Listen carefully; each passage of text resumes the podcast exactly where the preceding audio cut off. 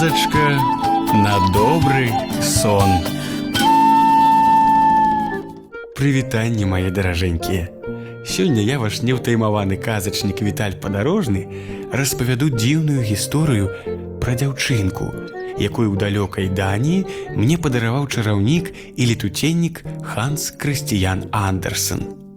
Блукаючы па гасцінцах і сцежках роднага краю, як пацеркі я збіраў словы нашай роднай мовы і сабраў такі заморскі аповед на беларускі лад.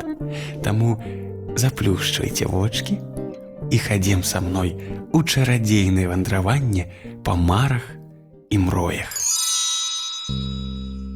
Бралася на мароз. Ішоў снег, На вуліцы рабілася ўсё больш і больш цёмна. Справа была вечарам напярэдадні новага года. У гэткі вось холад і цемраць па вуліцах блукала бедная дзяўчынка з непакрытай галавой і босымі нагамі. Ножкі зусім пачырванелі і пасінелі ад холаду. У старэнькім фартушку у яе ляжала некалькі карабкоў серных запалак. Адзін карабок яна трымала ў руцэ. За цэлы дзень ніхто не купіў яе ніводнай запалачкі.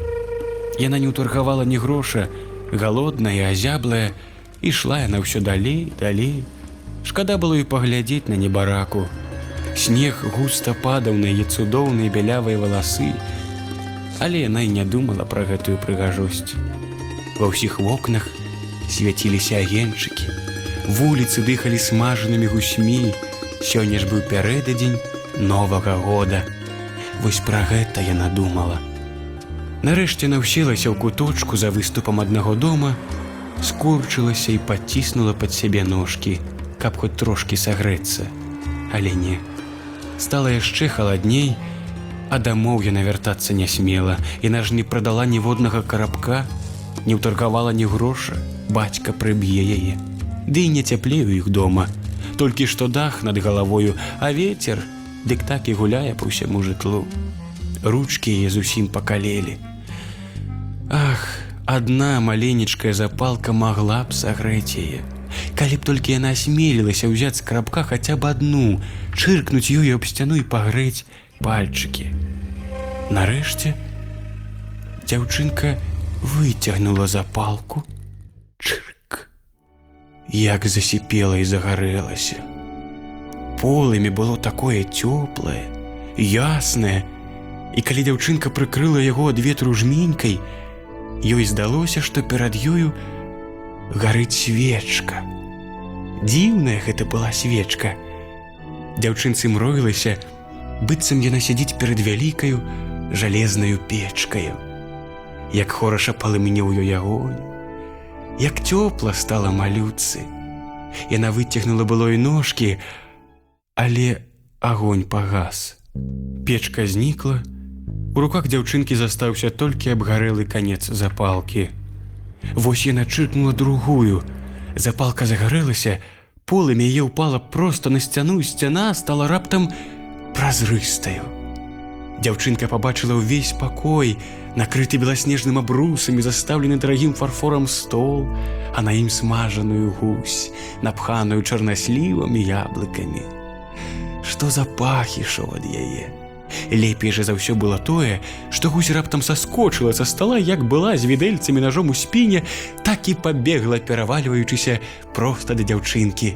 Тут запалка пагасла, і перад дзяўчынкай зноў стаяла адна халодная каменная сцяна. Яна запаліла яшчэ запалку і апынулася пад дзівоснаю елкаю, куды большую прыгажэйшую, чым тая, якую дзяўчынка бачыла на куцю, зазірнуўшы ў акно аднаго багатага купца. Елка гарэла тысячамі агенчыкаў. Малютка працягнула да елкі абедзве ручкі, але запалка пагасла.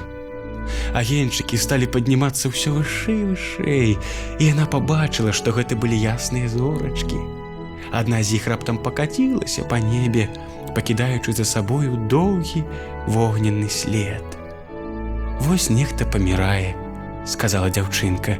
Нябожчыца бабуля, якая адна ў цэлым свеце любіла дзяўчынку, казала ёй: « Калі падае зорачка, нечая душа ідзе да Бога.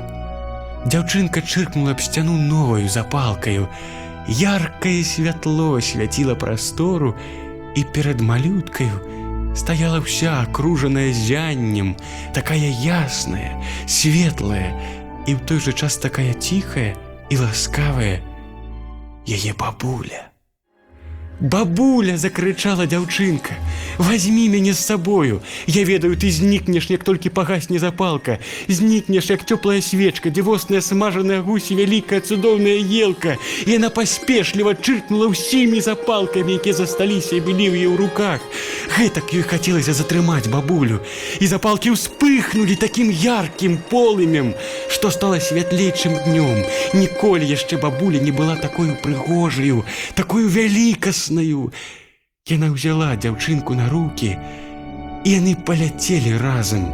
Узянні ў бляску, высока-высока, туды, дзе няма ні холаду, ні голаду, ні жаху да Бога. У халодны ранішні час у кутку за домам па-ранейшаму сядзела дзяўчынка з ружовымі шчочкамі і усмешкай на вуснах. Яна замерзла в апошні вечар старога года. Дзяўчынка сидзела за палкамі, адзін карабок амаль зусім дагарэў. Яна хацела пагрэцца небарака, казалі людзі, але ніхто не ведаў, якую прыгажосць яна бачыла. У якім бляску ўзнялася разам з бабуляй да навагодніх радасцей на неба. Вось і скончылася наше чароўнае вандраванне. А зараз заплюшчвайце вочки і добрыя вам ночки. А я Віталь падарожны развітваюся з вами, каб назбіраць новых дзівосаў на прасторы са свету. Дабранач. Тихо ночь ступая, зорною сялейкой, по синим Дунае,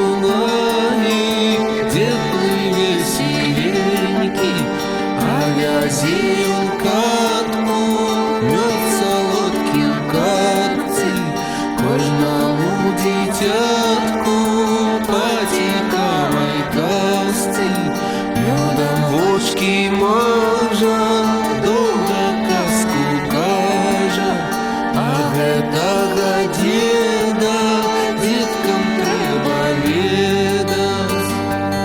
Не рыпяць завесы, калі зойдзе ў хату, добрым сном завецца дзядок